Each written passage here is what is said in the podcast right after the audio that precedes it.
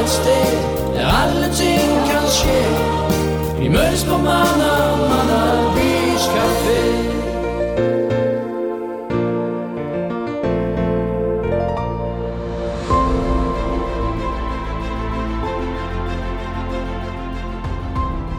Velkommen til nok en skjærgårdsprat. Nå er det en liten stund siden vi har lagd denne skjærgårdspraten, og hva er vel bedre da enn å ta imot en rå, nyfersk verdensmester?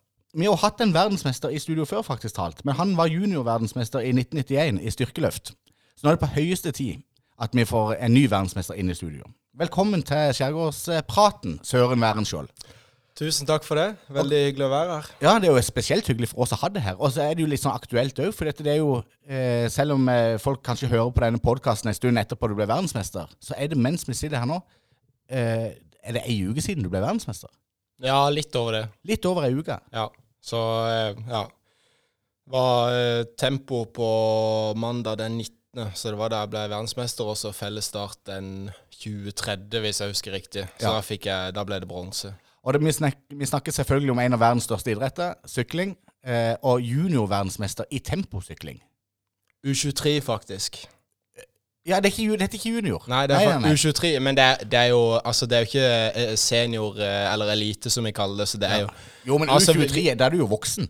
Ja, du er voksen, men, eh, men hvis du spør en elitesyklist, så kan det være at han kaller deg for junior, bare sånn for Å, ja, sånn, ja. å jekke deg litt. Ja, for det er litt hierarki i dette her fremdeles. Ja, ja. Altså, jeg blir kalt Jeg blir fortsatt kalt Junge, Junge på eh, laget. Det er jo nederlandsk for eh, Ja, det er vel junior eller ungdom Ja, så det er, det er litt sånn ungdommen. Ja, man er, når man er yngst, så uansett om man ikke er junior på papiret, så, så blir man behandla som det, i hvert fall. Ja. Og så eh, Det er jo fort gjort å, å glemme vekt av denne bronsemedaljen, men det er nokså solid, det òg. Og jeg sa du så løp når du kom i mål, da. Eh, og det var nokså sånn bemerkelsesverdig, for jeg tenker du har en nokså bra vinnerskalle. Eh, for veldig mange i verden ville vært godt fornøyd med eh, å havne på pallen i et verdensmesterskap. Men akkurat der og da så var ikke du fornøyd med en tredjeplass. Det Nei. kunne jeg se. Nei, altså, hadde du spurt meg før, så hadde jeg vært veldig fornøyd. Men uh, når du liksom ser uh, de to foran kjempe om, kjempe om gullmedaljen, og så vet du at hvis ting hadde vært litt annerledes, så kunne, du, så kunne jeg i hvert fall kjempe om om å ta den gullmedaljen. Men uh, altså, jeg, i ettertid så kan jeg jo ikke si meg misfornøyd. Men ah, når, når du er akkurat i, i nuet, så, så merker jeg at eh, da ble jeg litt uh, forbanna. For sånn som løpet utvikla seg, så var det kjans. Eh, og det var sånn du følte på. Du hadde mer å gå på, mer krutt i beina, og eh, du var klar for en reell spurt der. Ja, jeg var det. Jeg følte meg, jeg følte meg bra. Altså, den, vi skulle en ganske bratt eh, bakke eh, ti ganger, som egentlig på papiret litt i hardeste laget for min del, men så kjente jeg at jeg hadde gode bein, og da, da vet man at det kan skje. Og så når jeg hang med over siste ganger, da, da skrur man liksom om hodet da, til å til å tenke på, på seieren, og så, så er det såpass nærme, og da, når det glipper, da, da blir det litt sånn eh, ja, ikke, Det blir jo ikke raseriutbrudd, det var jo ikke så ille, men ja, man blir forbanna. Det Ja. blir man. Og så er det jo sånn at det, var det, Dette var jo et par dager etterpå du hadde blitt eh, verdensmester. Eh, Kjørt, Sykla du på adrenalin fra det verdensmesterskapstittelen, eller er det sånn 100 nullstilt? Nytt løp. Eh, kunne du senke skuldrene litt over at du allerede var verdensmester? Har det noe å bety? Ja, jeg tror det har noe å bety, fordi man, eh, man har på med, med seg selvtilliten, da. Så eh, at jeg på en måte visste at OK, jeg må bare spare absolutt alt jeg kan av krefter imellom bakken, og så bare prøve å bite meg med over hver gang. Ja. Og det var det jeg følte jeg gjorde veldig riktig, at jeg, jeg brukte akkurat de kreftene som var nødvendige for å henge med, mens mange av de andre brukte mer krefter imellom bakken og var litt mer sliten når de kommer inn. da. Så i starten på en måte så har de en fordel over meg, mens jo, jo lenger vi kommer ut i løpet, da, jo mer krefter har jeg klart å spare. da, Så det blir på en måte mer og mer utjevna i, Ja. i forhold til utgangspunktet mitt. da. Og det gjelder de fleste typer ritt. For det, sånn er det vel litt i tempoen òg. At du blir sterkere og sterkere utover løpet.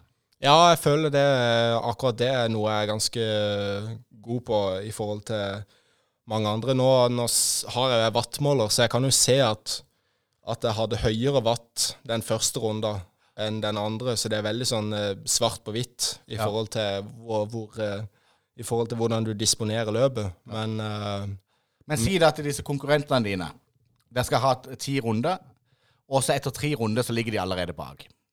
Er det sånn at de tenker at det, nå, nå er det kjørt? De bør helst ha et, et lite luke på det fra begynnelsen av løpet.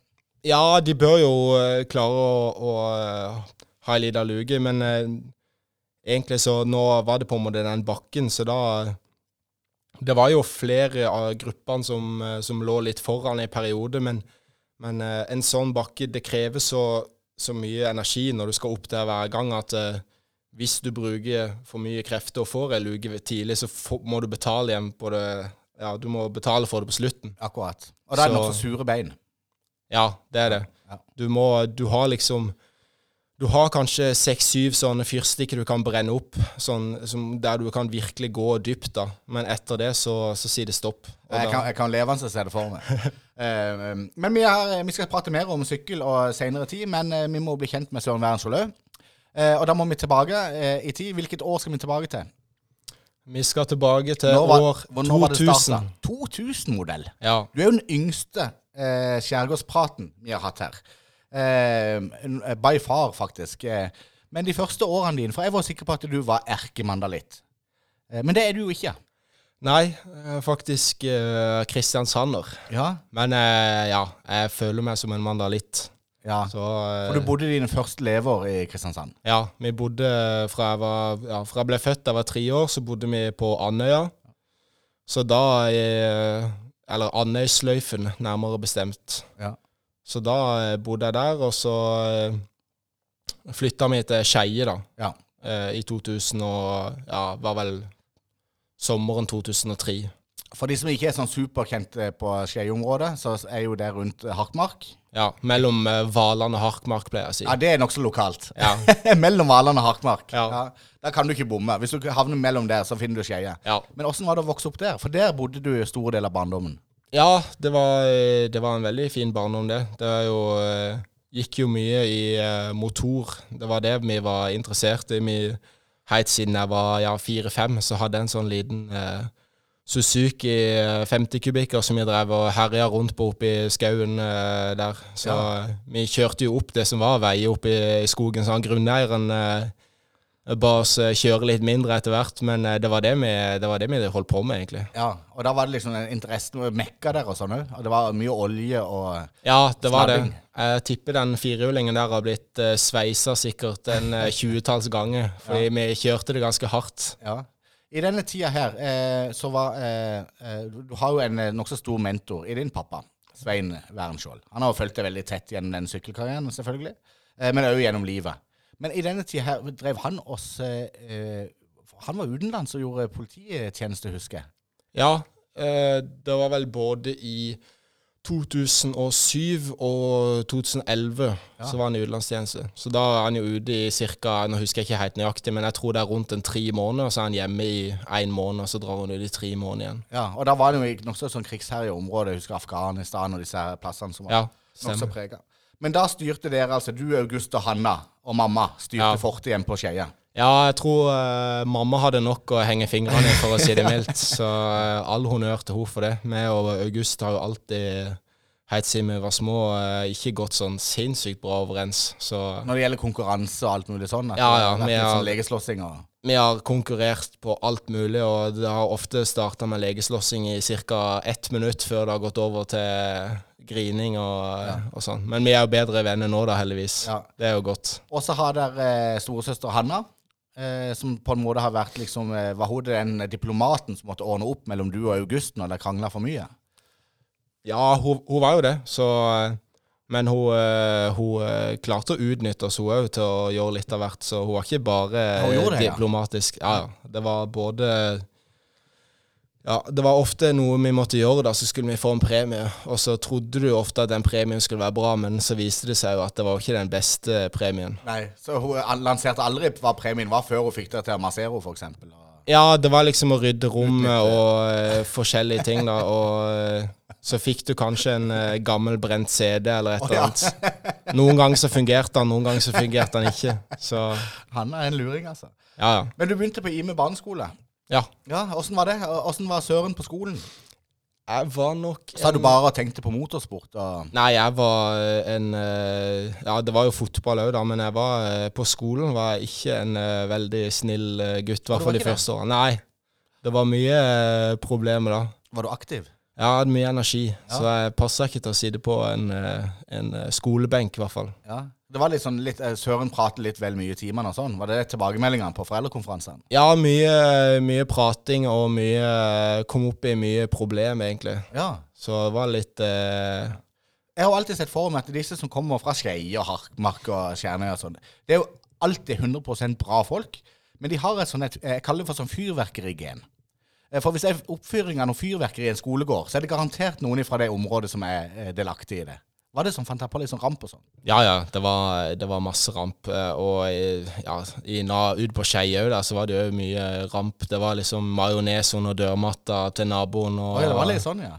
og sprenge Sprenge sprayflasker på bålet og eh, fyrverkeri. Det kuleste du kunne gjøre, var å ha fyrverkeri etter Ja, nyttårsaften. Ja, og spare det til, til når det ble ulovlig. Så det, det er litt sånn Man er litt Jeg tror det er litt fordi man eh, kjeder seg litt på landet, og så må man liksom ha noe adrenalin å Ja. fylle hverdagen med. Så man prøver å finne litt sånn alternativ eh, underholdningsmetode, så ja. Men eh, ja, det, jeg, det er fortsatt sånn, men Men det har gått veldig bra. ja, det gjorde jo det etter hvert, så jeg fikk jo noe å bruke energien min på, så det var jo eh, en stor fordel. Og så man, kan man bare skylde på seg sjøl hvis det går dårlig, istedenfor fotball der du kan eh, oppleve at andre gjør feil. Så Akkurat. Jeg tror jeg hadde, jeg hadde takla det bra nå, men når jeg var yngre, da, da takla jeg ikke at eh, andre gjorde feil heller. Så da Nei. er det, var det lettere å skylde på, skylde på meg sjøl. Så det var ikke tilfeldig at du eh, til slutt valgte en individuell idrett? Altså, det, Sykkel er jo ikke en individuell idrett, for du er del av et lag.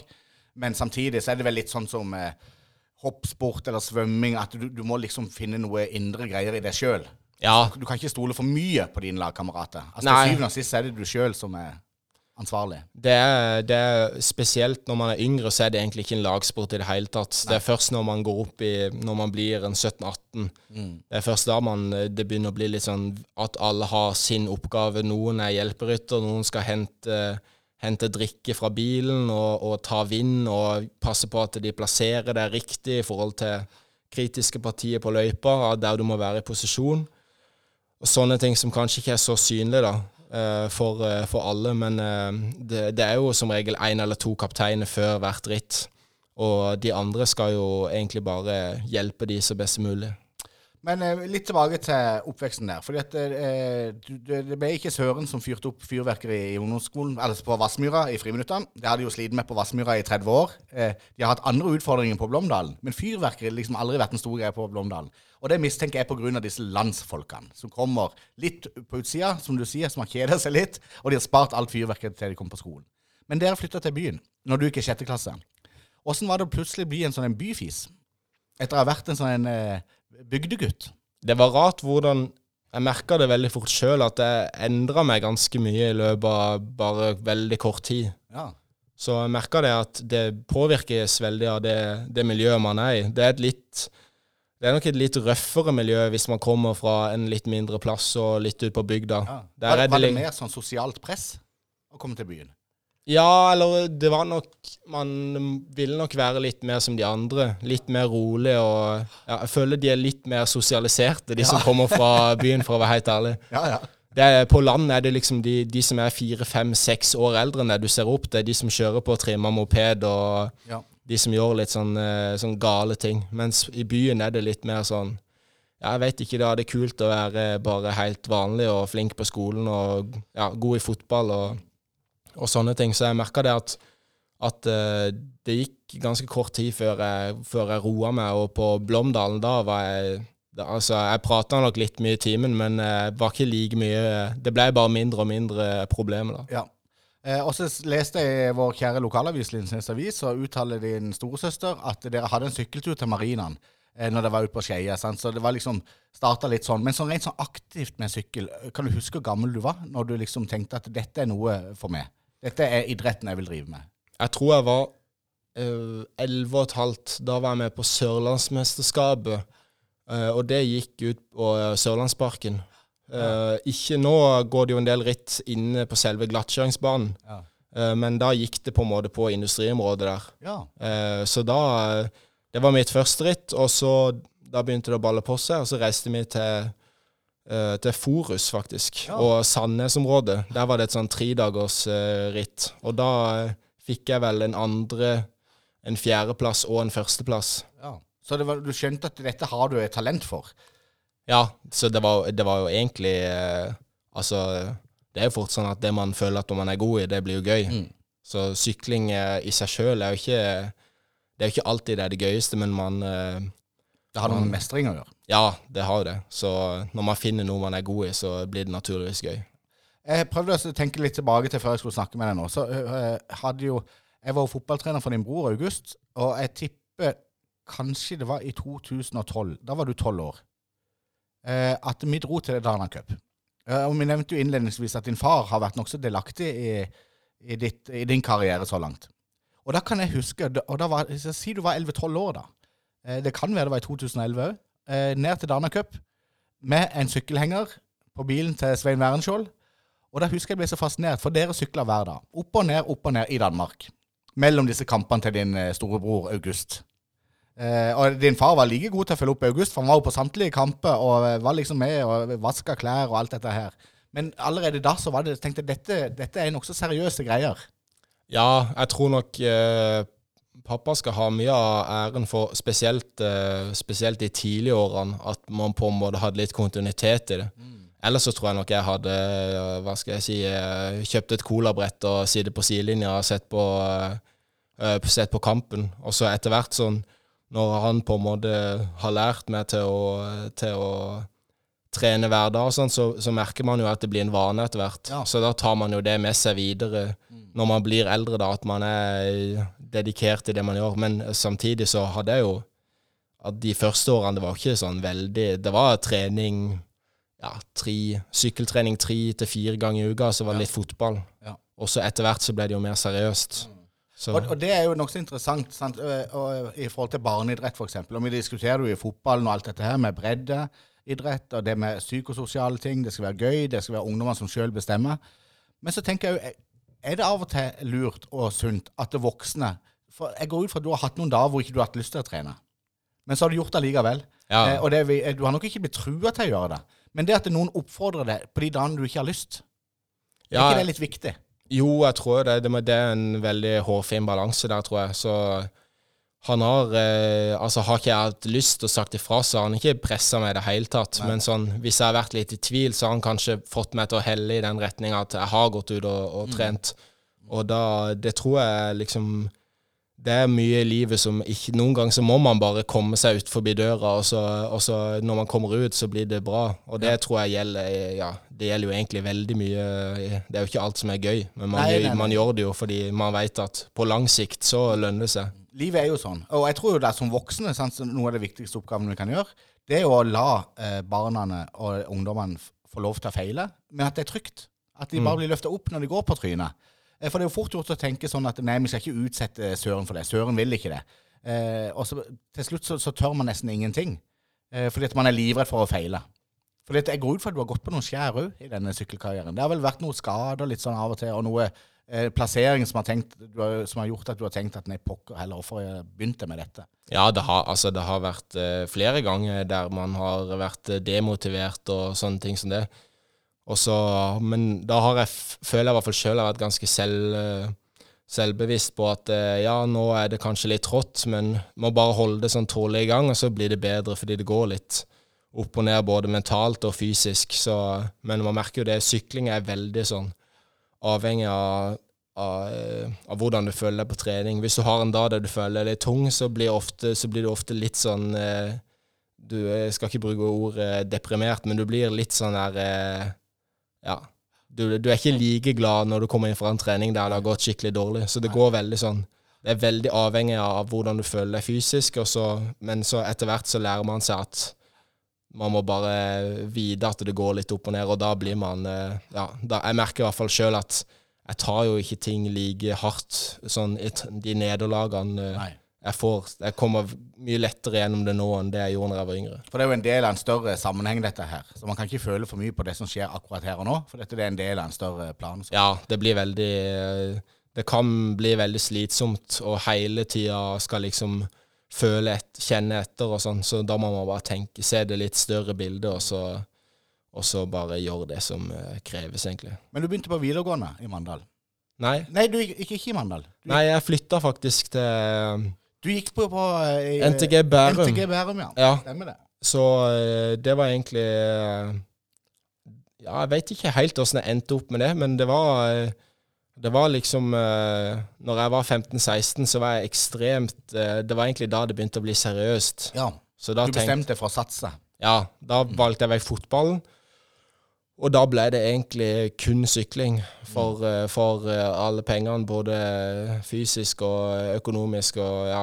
Så var det å flytte for seg sjøl, da. Altså, du der bodde vel ikke sånn sett for deg sjøl, men du flytta jo hjemmefra, vekk Ja. fra mamma og pappa, eh, og skal på en måte lage mat sjøl. Og... Ja, ja. Jeg bodde på Jeg ville bo på hybel alene. Jeg ville ikke bo med to eller tre andre, Nei. fordi jeg er ofte en person Jeg liker å ha, ha Egentid. Ja, egentid og kontroll på ting, men jeg merker det de, altså jeg Bare etter ei-to uker så, så, eh, så måtte jeg ringe pappa nesten og få han til å komme og hjelpe meg med ting. Fordi det krever så mye Når ikke du er vant til en sånn hverdag, så krever det så mye kapasitet. da, eller sånn, Bare det å handle inn og lage mat og sånne ting. Altså Etter hvert så gikk det jo Da var det jo null stress. Ja. Men, Men, i det var en starten bratt, eh, bratt læringskurve i starten der. ja, ja. Det var ikke sånn at ikke jeg, jeg visste det, men det var bare det å skaffe seg rutine og i- Ja. vite at OK, før du lager mat, så bør du kanskje spise litt, Ja, ja. istedenfor å stå der svimmel Ja. etter skolen, og så må du lage mat, og så må du helst lage noe sunt, skal, man skal jo prøve å spise litt sunt, og ikke bare slenge inn en pizza. Så det var, det var litt sånn øyeåpner, så Men, Men, men var det en god måte å egentlig eh, bli eh, på en måte bevisst på de strukturer? Altså døy, altså, for det å drive med toppidrett, det er jo en sånn 24 timers jobb. Eh, ikke absolutt hver dag hele året, men man må tenke som en toppidrettsutøver. Altså, alt henger sammen med alt på en måte. Måltidene må inntas, du skal ha rett næring.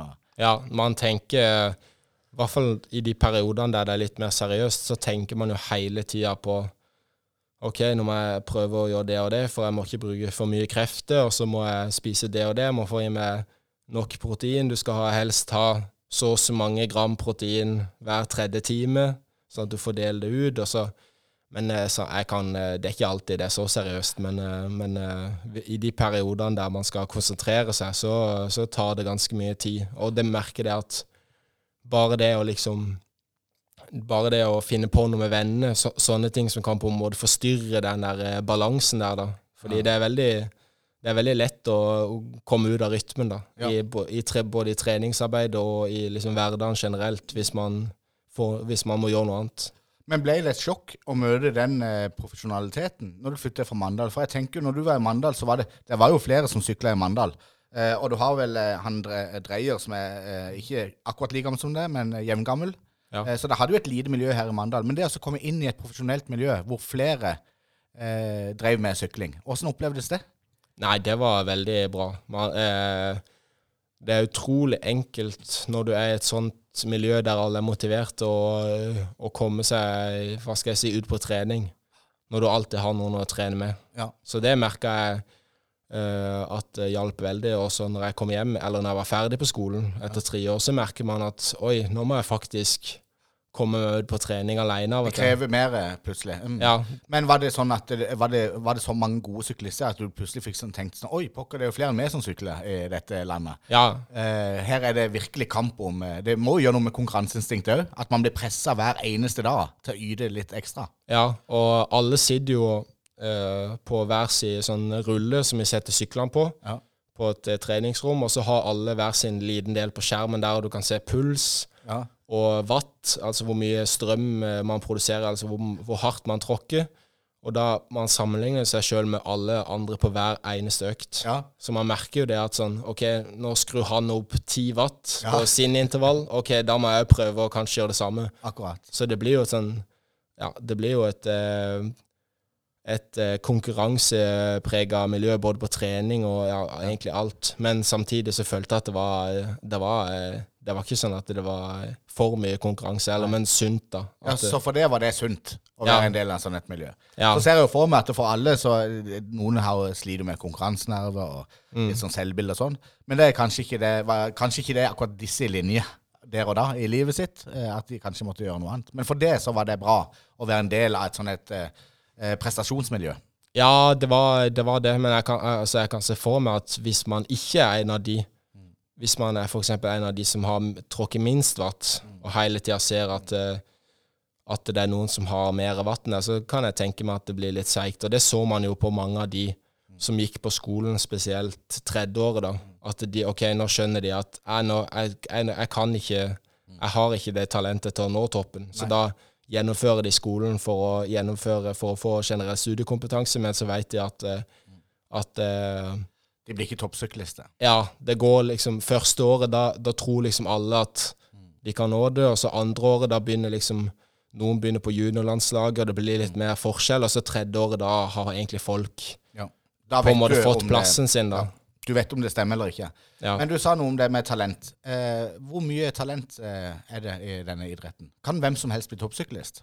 Nei, det tror jeg ikke, men, eh, men sykling er nok en eh, idrett der flere kan bli gode, tror jeg. Fordi du har veldig mange forskjellige typer ja, Både i høyde og i tyngde og alt, egentlig. Som det er veldig mye forskjellige løyper i sykling. Så uh, du ser ofte så er det de de som blir syklister, er ofte de som ikke har vært en del av altfor mye lagsport. Og de som er syk, mange syklister er litt uh, spesielle, og mange er litt nerdete. Og ja, noen har litt for mye energi. Det er liksom litt sånn der eh.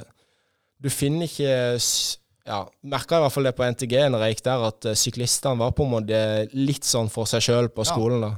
Det ser Eh, jeg jo levende for meg. For når du har vært ute på noen av de lengste eh, treningsturene, så er du ute, sier du er ute seks-syv timer. Sykler. Hva er det du tenker på? Nei, jeg tenker på alt mulig, egentlig. Ja. Det, men det Men så skal skal man jo være litt konsentrert òg, for jeg går ut fra her går det unna. Sant? Du er oppe, jeg vet ikke hvor mye sykler, 50 km i timen der. Og, Ja, det er noen ganger oppi det, men, eh, men eh, det, jeg kan sykle en mil, og så kan jeg tenke sånn Oi, hvor var det at jeg, jeg husker ikke at jeg har sykla den mila, for jeg har bare vært i mine egne mine egne tanker, så, eh, så tankene går egentlig til alt mulig. Så, Men kan det være litt sånn terapi å sykle òg? ja, ja, At man får bli kvitt noen tanker? Altså, jeg merker det at eh, jeg kan ligge og gruble på ting når jeg går og legger meg, og så hvis jeg sykler i fem timer, så får du i hvert fall, jeg skal love deg at du får tenkt igjennom det meste eh, som har skjedd de siste dagene, så Ja. Så det virker jo på en måte litt skummelt, eh, fordi at du er jo bare med deg sjøl og dine egne tanker. Men Ja. samtidig så får man kanskje tatt et oppgjør med alle disse tankene man Ja, ja, definitivt. Jeg tror eh, Når jeg legger opp, så tror jeg at jeg bør ta noen av de turene av og til for, Ja. for å rense hodet litt. for, ja, for Eller, det, eller at man går tur i skogen, eller et eller annet sånt. Det tror jeg eh, flere bør gjøre, egentlig. Fordi jeg merker det hvis jeg sitter inne en dag, så jeg blir helt uh, Ja.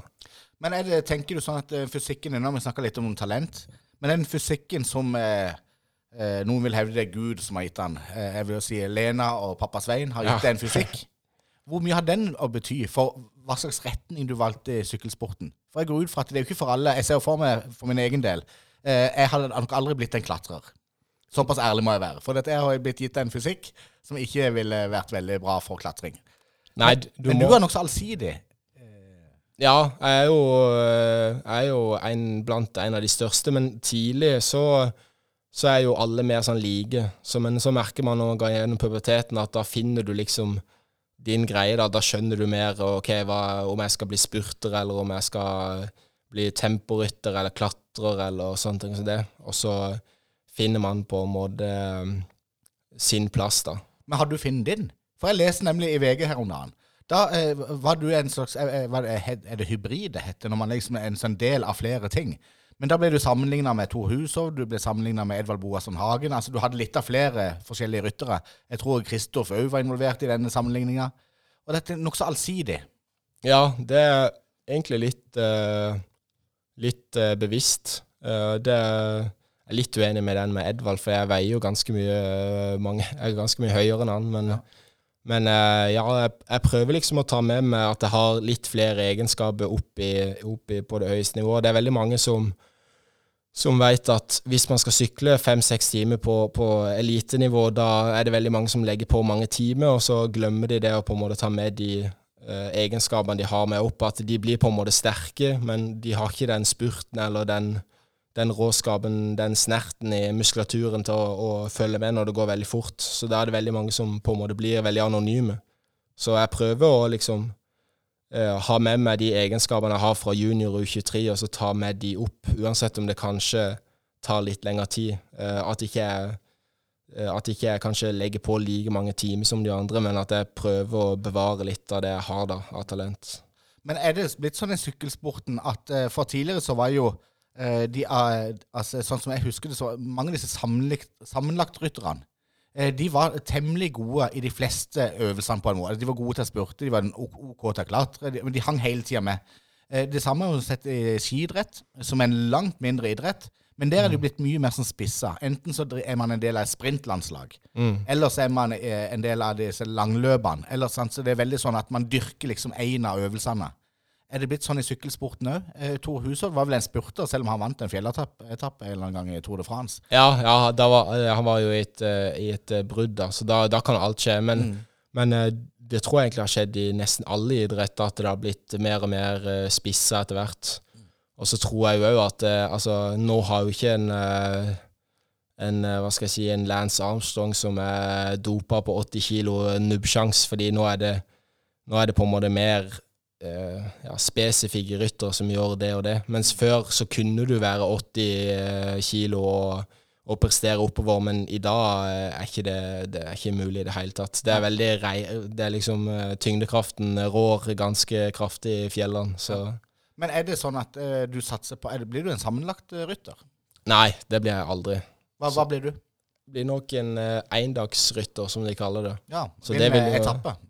Ja, både eh, etappe og, eh, og sånne lange endagsritt, sånn som Paris-Roubais ja. og Flandern rundt. Ja. Som jeg, jeg, fikk jo sykle i år, men jeg var jo syk, syk og velta på de, så det var jo eh, Paris-Roubais, er det de brosteinene? Ja, ja, Det er jo veldig kult. Det er jo kanskje det kuleste rittet, spør du meg, da, som ikke er super eh, inne i sykkelverden. Ja, det er, det er helt sykt. Det er, mange av de brosteinspartiene går ganske greit, men så har du et par av de som er Altså, folk knekker jo hjulene, og ja. du føler at når du går inn, så du føler at du holder fast i styret, men du, du kan ikke kjenne det fordi det rister så mye at uh, du mister jo følelsen i hele armen. Ja.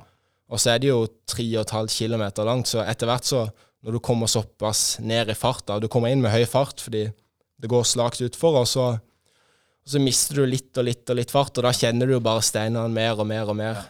Men, men, og det er jo klart det er jo mye kunnskap, og det er mye sånn eh, du, man kan øve seg på å bli god på brostein og sånn. Men det er jo litt tilfeldig òg der, føler jeg, på de brosteinene. Jeg husker han Kristoff ble utsatt for noe uhell. Altså, ja. altså, hvordan kan man gardere seg mot det?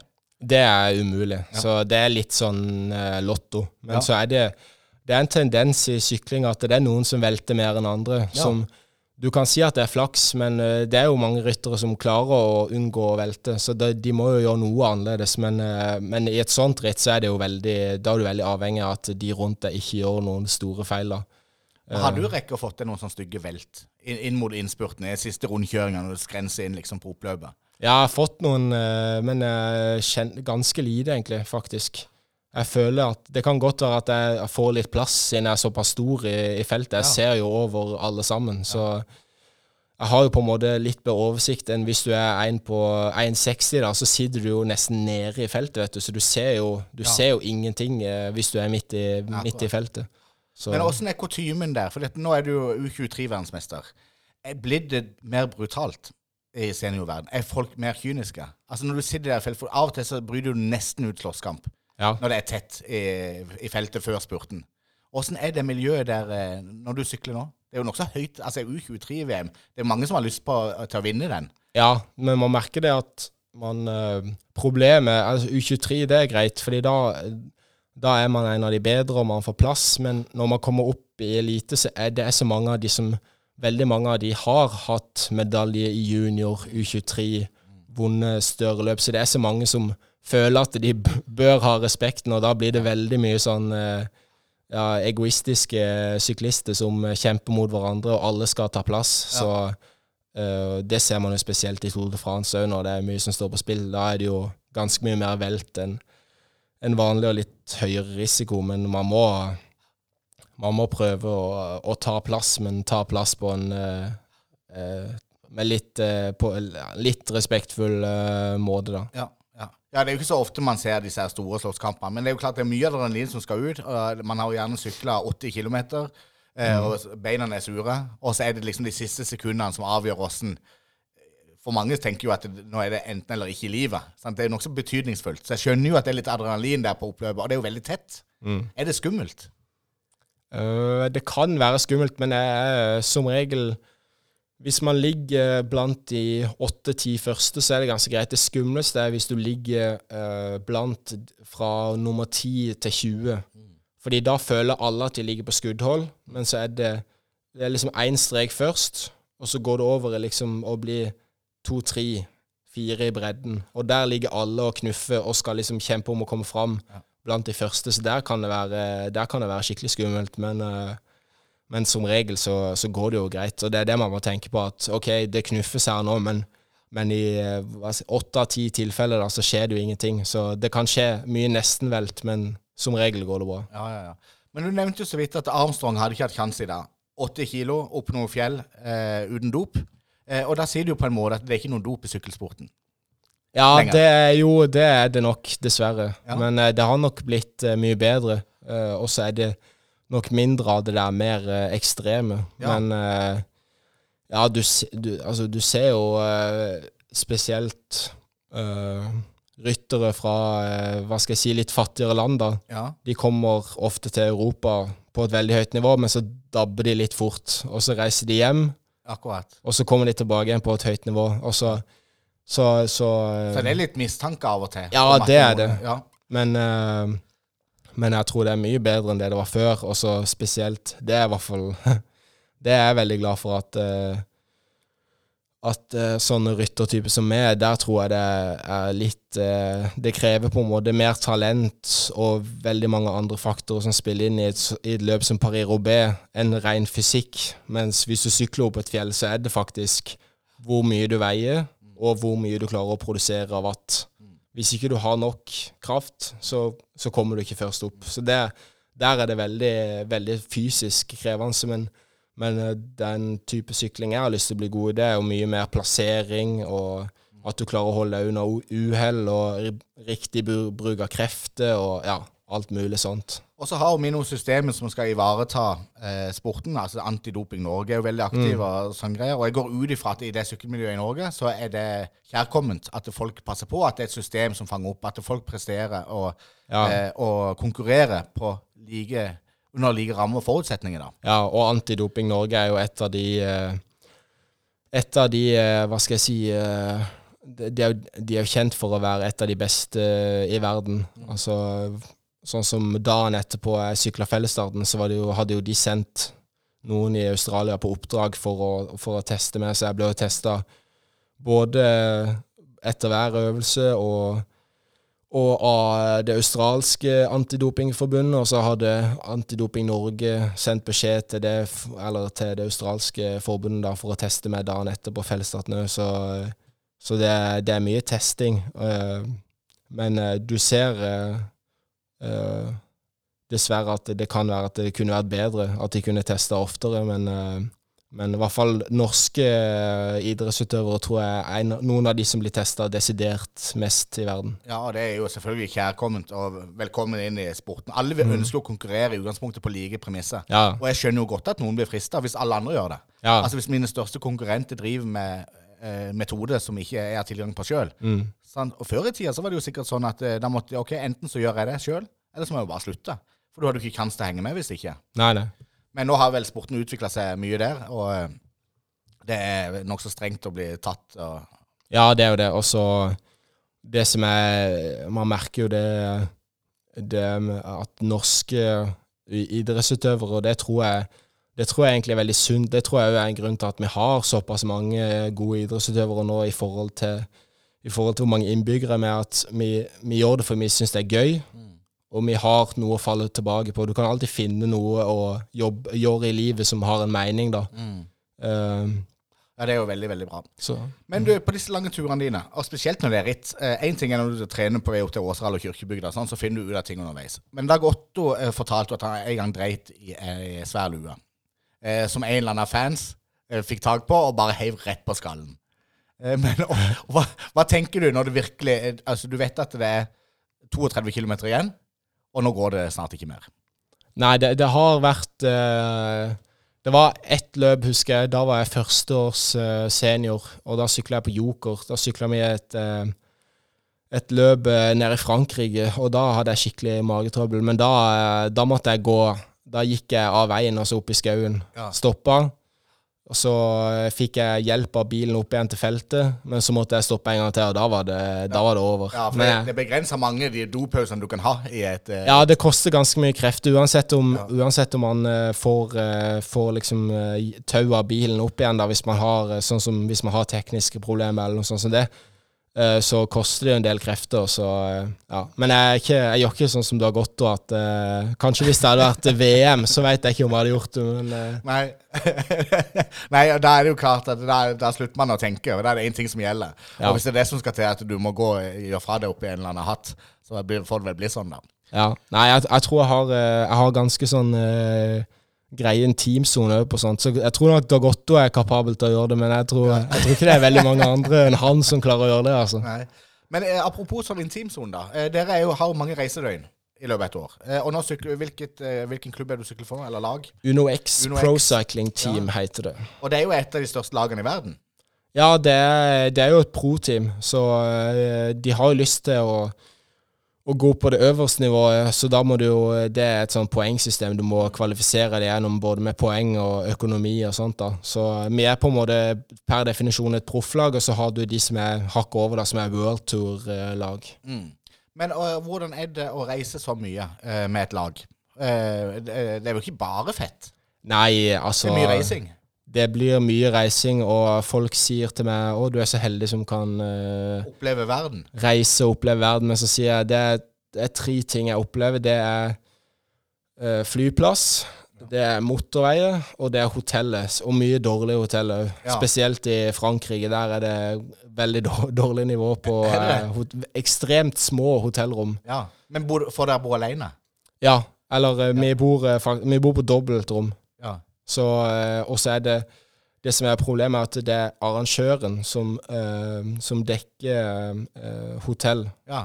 på løpene. Så det der tenker du- arrangøren at de kan spare litt penger? Ja, det tenker de. Så det er, det er noen ritt der det er ekstremt fine hotellrom, der vi har hver, vår ei 20-seng og et svært rom og ja. skikkelig bra. så hvis det har hver deres ei 20-seng, så du, der stiller ikke verdens høyeste krav heller? Nei, nei, men det er det er det luksus. ja, det er, det, det er desidert Ja. uh, toppen. Men uh, ofte så kan det være et uh, et rom på et eller annet Ibis-hotell der du, du Det er bare én som får åpna kofferten, og den andre må la kofferten stå. Fordi Ja. han kan ikke brette den ut på gulvet, for det er ikke gulvplass. Ja. Så det er ikke Altså, det der sjarm... Det er ikke så fett, det Nei. livet der av og til. Nei. Men, eh, men eh, man får sine belønninger i ny og ne, så det hjelper jo. Men hvor mange reisedøgn har du på et år? Altså Nå er- varierer det jo litt i forhold til hva du skal sykle, selvfølgelig. Men hvis man tar nå 2022, eh, hvor mange reisedøgn blir det? Det vet jeg egentlig ikke, men jeg vil tro at eh, Altså, jeg vil tro at det er rundt en 200, kanskje. Ja. Cirka. To, det er nokså mye. Ja, det er ganske mye. Uh, det er jo Vi har noen sånn periode. Det er både Det er jo samling i både desember, januar og februar. Og så er det jo ofte tre-fire uker i Belgia på våren, der man sykler mange av de endagsløpene. Eh, og så er det litt mindre sånn lange turer utover resten av året, men eh, det blir noen lange turer, og eh, da merker man at det er ordentlig deilig å, å komme hjem. Og det var derfor jeg flytta til Mandal òg, fordi jeg bodde jo i Oslo et år, men jeg skjønte jo det at jeg trives bedre på en plass der det er litt mer eh, rolig. Ja. Men er det miljø stort nok her på Sørlandet for at Søren Wærenskjold kan utvikle seg videre? Ja, også, det, det var jo det jeg fant ut at eh, når jeg var yngre, da, da, da reiser man ikke så mye på samling og sånn. Uh, men nå er det jo sånn at når jeg er hjemme, så er det jo bare deilig å være, ha litt alenetid. Og så har jeg jo Sebastian, som jeg kan trene litt med, og en del fra, en del fra Kristiansand, da, som vi kan, vi kan møte på Men det blir på de lengre turene, da, de som er turene som er over fire timer. Så møtes vi uh, ute med ja, som regel rundt en Ålo og den gamle broa over Tryssfjorden. Rundt der. Og du sa det at før du begynte på NTG, så var det nokså typisk at du kunne ha tre-fire økter i uka eh, på sånn ungdomsnivå. Hvordan eh, ser det ut nå? Hvor mange timer i løpet av ei uke trener du? Eh, Det varierer veldig. Det kan være fra 18 til 28, så det varierer, men kanskje snittet er på rundt rett over 20. Ja. Eh, og, og vet du, hvor lang plan har du framover? På, vet du hva du skal gjøre i uke 12 i 2023? Nei, det vet jeg ikke. Nei. Det, nei, det vet jeg ikke, men eh, jeg vet jo ok, da skal jeg Det går veldig mye det samme hvert år, egentlig. Du, du har sesongen fra mars til litt ut i oktober, og så har du en friperiode til litt ut i november. Starter med grunntrening i november, veldig lite hardt, bare mye rolig, en del timer. Og så drar du på samling i desember, eh, der det blir litt mer intervall og litt mer hardtrening. Og så eh, er du hjemme i juleferien, holder treninga i gang. Uh, januar, da begynner liksom det mest seriøse. Da, det, da begynner man å tenke mer på sånn detaljer og sånn. Så da, da er det mer, eh, litt mer konkurranse på samlinga i, i januarsamlinga, og litt mer eh, hardtrening. Og så begynner man liksom i februar å forberede til, til sesongen. Så eh, det går veldig mye det samme hvert år. Og man veit liksom ok, den måneden er det det man skal fokusere på, og så det og det. Og da får man som regel treningsopplegg to-tre uker i forveien, og så bare avtaler man, avtaler man, eh, man etter hvert. Så det er veldig grei prosedyre på det, egentlig. Men hvor lang avtale har du med UnoX? Ett år til. Ett år til. Ja. Men og når du blir proffsyklist, så jeg gruer meg for at det- du kan leve av dette. ja. Eh, Det må jo, eh, sånn må det jo være, for du trener over 20 timer Ja. i uka. Så eh, det krever jo nokså mye. Men er det fett? Ja, det er, det er ganske fett. Så eh, får se nå Det, det som er med proffsykling, er at eh, det er veldig kort vei fra å tjene ned mot eh, fattigdomsgrensa til å tjene flere millioner. Det er liksom det, det er en eh, ganske sånn bratt stige. Ja, Så det er veldig eh, Det er ganske stor forskjell. Men eh, nå går det jo bra, da. Så nå Altså, ja. Jeg er veldig fornøyd med, med sånn livet mitt er nå. Og så Det er jo mye jobb, men du får belønning for det, da, hvis du Og det er, vel, det er vel fortjent. Jeg håper at du betaler noen bensinpenger til din far som har kjørt rundt på det i halve Europa for å holde på med dette her. Eh, men så har jeg fått noen spørsmål fra noen lyttere. For jeg har sagt til noen at du kommer her. Eh, og noen har vært opptatt Jeg mener jo at jeg har svaret på det. Men når du stilte i verdensmesterskapet, så representerer du Norge. Da representerer du ikke UnoX. Vinner, går det an å vinne penger som verdensmester? Ja. Altså som, eh, ikke, ikke fra sponsorer og sånn, Ja, men fra, hver- eh, fra arrangøren. ja de eh, gir deg litt sponsorpenger. Og de gjør det, ja. Ja. ja. Men ikke sånn voldsomme. Nei, nei, ikke noe voldsomme greier. Det var eh, 4000 euro, så er jo 40 000. Jo, jo, det er jo greit, men, Men, så må du jo skatte av det òg, da. Så det blir skatta i Så alle premiepenger blir skatta i det landet du vinner det i, da. Så oh, det blir skatta av eh, australske skatteregler, og så blir det sendt ja. eh, sendt eh, til meg, da. eh, ferdig skatta. Også, Men da får vi jo bare håpe at det blir mange ritt nede i Korea til neste år, for der har de jo en veldig lav skattesats. Ja, det, det er jo litt interessant at det er både det blir skatta i det landet i forhold til de sine skatteregler, men òg premiepengene er òg beregna ut ifra eh, hvor rikt landet er. Så hvis du sykler i et land der de er fattige, Ja. så får du mindre premiepenger. Også, mens i Norge så får du mer premiepenger. I Dubai, da. I Dubai er det nok veldig bra, vil jeg tro. Så det, det, det, er litt, eh, det er litt spesielt, men det er jo litt eh, logisk òg. fordi hvis et ritt skal skaffe sponsor i et land der det er dårligere råd, så, så kan de på en måte lage et ritt da som, som ikke krever så mye økonomi. Så da har på en måte hvert land ganske Eller det er fortsatt eh, lettere å arrangere løp i Norge, men da har i hvert fall de landene som har litt mindre råd, muligheten til å arrangere Ja, løp. det, og det er en veldig kul modell, egentlig. For det gjør noe for, for sykkelinteressen.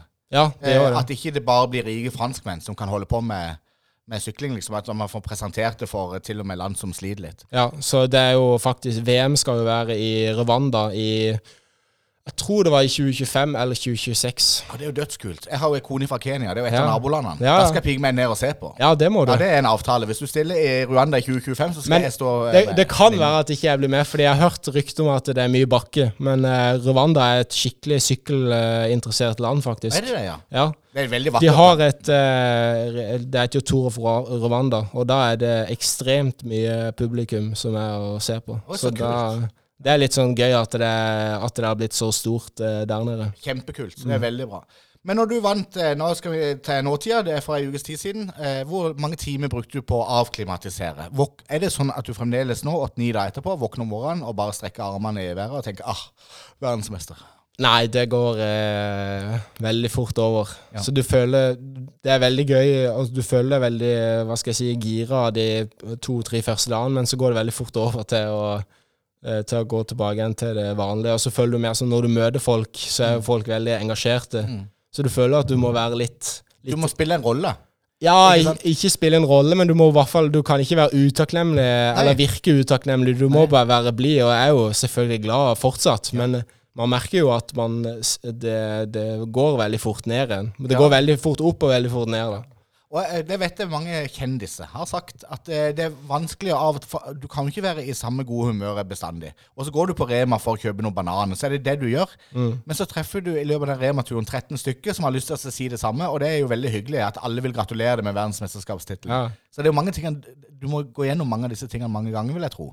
Og det kom jo 400 mennesker tok deg imot i, lille Mandal.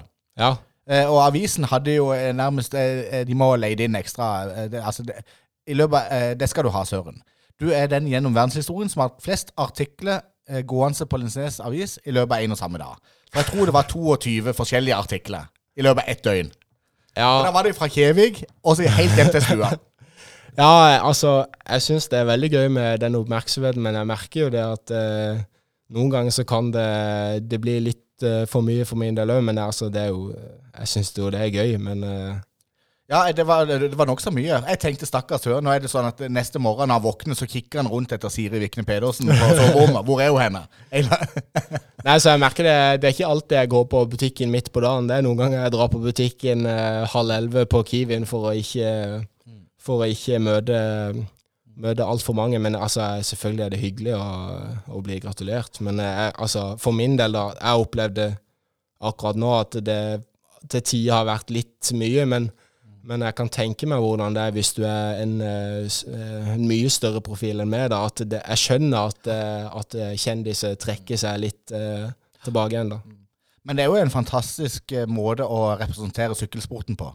Eh, og jeg ser jo bare altså har, eh, Sykkelsporten har jo vært nokså bra i Mandal de siste årene. Men nå er det jo ingen grense. ikke sant? Når de intervjuer disse fem, seks, syv, åtteåringene som får lov til å oppleve dette. Jeg vil jo anta at det kommer en boom av sykkelinteresserte mandalitter nå framover. Ja, og så jeg merker det til og med for eh, Ja, det starta egentlig for tre-fire år siden. Da ble det jo en eh, veldig stor vekst i sykkelklubben i Mandal. Og de er vel rundt 50 kids Ja. nå som det- det er jo jo veldig bra. Ja, så de sykler jo De har jo lagd en veldig bra eh, terrengløype eh, På Vassmyra. Vassmyra, og så nå eh, skal de nok eh, over i Furulund og trene litt der òg etter hvert, nå som det blir litt eh, mørkere og sykler litt eh, rundt i eh, lysløypa, så er det jo litt mer lys da. Det er jo Vassmyra og litt eh, mørkere skog. Men, ja. men eh, de har eh, Ja, det har blitt eh, veldig bra. I forhold til når jeg var der. Ja. Men om fem år til, hvor er Søren Wernskjold da henne? På sykkelkartet. Eh, Da håper jeg en eh, etablert uh, sykkelprofil som som kan uh, ja, sette meg mål om, og når jeg er med i de største rittene, at jeg kjemper om topplasseringer. Det er ikke noe sånn, jeg har ikke noe sånn Det har jeg egentlig aldri hatt. Eh, nå så jeg ble sitert på at jeg skulle bli verdensmester, at jeg sa det da jeg var tolvåring, men det har egentlig aldri vært noe sånn eh, spesielt fokus. Det har vært mer sånn jeg har trent fordi jeg vil bli god, Ja. Og Så det er de neste månedene hele Ja. tida som betyr noe. Ja, og så når, når du merker ok, det kan faktisk skje at det blir realistisk, da blir det naturlig et mål. Men uh, å, å ha et sånn der hårete mål, det har jeg aldri Nei. vært fan av. Jeg føler det må være litt sånn, det må være realistisk for at jeg skal kunne tro på det sjøl. da. Men å delta i Tour de France, Ja. hvor, eh, hvor nærme er det? Det er nok uh, Ja, jeg vil- jeg vil si uh, to, kanskje tre år til. Ja. Så, så jeg føler Altså jeg kunne nok vært med til neste år eller året etter der, men eh, for min egen del, hvis jeg skal ha en litt positiv opplevelse, så vet jeg jo at det er ekstremt tøft. Ja. Og at eh, det hjelper å ha noen år på bagen og noen flere timer på sykkelsetet når du skal sykle tre uker i Frankrike. Så, så jeg, for min del så stresser jeg ikke noe med det, for jeg vet hvor hardt det er. Og da, da Det er ikke sånn at jeg tenker at det er, det er en lek. Da tenker jeg heller at jeg må bare fortsette å trene og forberede meg. Og du kan jo ikke delta i Skjærgårdspraten uten å prate litt om kjærlighetslivet. Hvordan, er det- hvordan ligger du an der? For det, må, eh, det ser jeg jo for meg må være utrolig stress eh, for eh, en potensiell partner å leve sammen med Søren Wærenskiold, som er 200 døgn av sted i året. Og så skal han på toppen av det hele trene mellom 20 og 35 timer i uka. Ja, jeg tror ja, Hvis jeg skal ta statusen først på kjærlighetslivet, så er ikke det sånn veldig Det skjer ikke så mye der, altså. Det er, det er selvfølgelig Du flørter med noen damer av og til, men det blir ofte Det blir ofte ikke så mye mer enn det. Fordi Ja. du har eh, Jeg merker det sjøl, i hvert fall, at jeg er en person som liker å ha kontroll på ting, og at ting skal skje liksom når det skal skje, og da ja, da eh, blir ofte damer litt sånn forstyrrelse, men så merker man jo selvfølgelig at ja, selvfølgelig etter hvert så vil jeg jo Ja. Vi er jo dyr som alle andre dyr. Ja, ja. Altså, jeg vil jo få meg dame og etter hvert kanskje en, eh, en familie, men, eh, men eh, jeg har jo ikke hatt noen kjæreste i ungdomsårene, fordi alt har gått til sykling, så eh, så få se. Og så veit Når man på en måte får satt seg litt, og, eller når, det, når ting får liksom bli litt mer rutine på det, og, og du veit liksom hva det går i, så da, ja, da blir det nok ei dame etter hvert. Det er jo veldig bra, Søren. For dette, nå har du jo sagt at eh, på Rema 1000 så kjenner jo folk deg igjen, og det gjør de jo nå på Herr Redaktør òg. Og nå har du jo annonsert at det, det er jo ingen som har eh, gjort hevd på det ennå. Så det er jo fritt vilt når du kommer på Herr Redaktør igjen og Ja, skal danse på Jeg skal, jeg skal en tur eh, når sesongen er over, så blir det rett på, på, på, på redd. Ja, det er veldig bra. Så det blir fint. Ja. Eh, skal vi se her, det skjedde et eller annet med lyden. Men vi begynner nærme oss slutten, eh, Søren. Ja. Eh, Det har vært utrolig hyggelig. Og så eh, har det jo ennå ikke kommet opp noe byste av deg i Mandal. Og jeg ser jo i Grimstad så er jo både Oksen fra Grimstad og Dag Otto Lauritzen De har fått hver sin skulptur. Eh, og spørsmålet er jo hvordan skal den se ut? Skal, skal den være gull, bronse, sølv? Er det noe som preferanse der? Nei, det, det håper jeg Jeg skal ikke si at jeg håper at det ikke skal skje, i, i, men, eh, men Vil du ha eh, blitt pinlig berørt hvis du plutselig sto en sånn Ja, to det- meter høy statue forbi buen? det, det håper jeg lenge til, og da håper jeg at jeg skal eh, klare noe mye større enn å bare sykle fort for å fortjene det. Så det Ja. Jeg, føler jeg, hadde nok blitt ekstremt eh, pinlig om det hadde skjedd, i hvert fall inn, innenfor de neste årene. Men avslutningsvis, gratulerer så mye med verdensmesterskapet. Eh, og du er en fantastisk ambassadør for eh, Mandal og Skjærgården, som jeg er veldig glad for at du tok deg tida til å komme her. Og så eh, gleder meg til å følge det tett. Eh, for du skal ikke se vekk ifra at når vi skal til med Skjærgårdspost, så skal vi henge oss på hjul, akkurat som Siri Vikne gjør. Eh, da skal vi følge med deg rundt forbi på de rittene. Og vi ses garantert i Rwanda i 2025. Det gleder jeg meg spesielt til. Ja, det har vært rått. Ja, takk for at jeg fikk komme.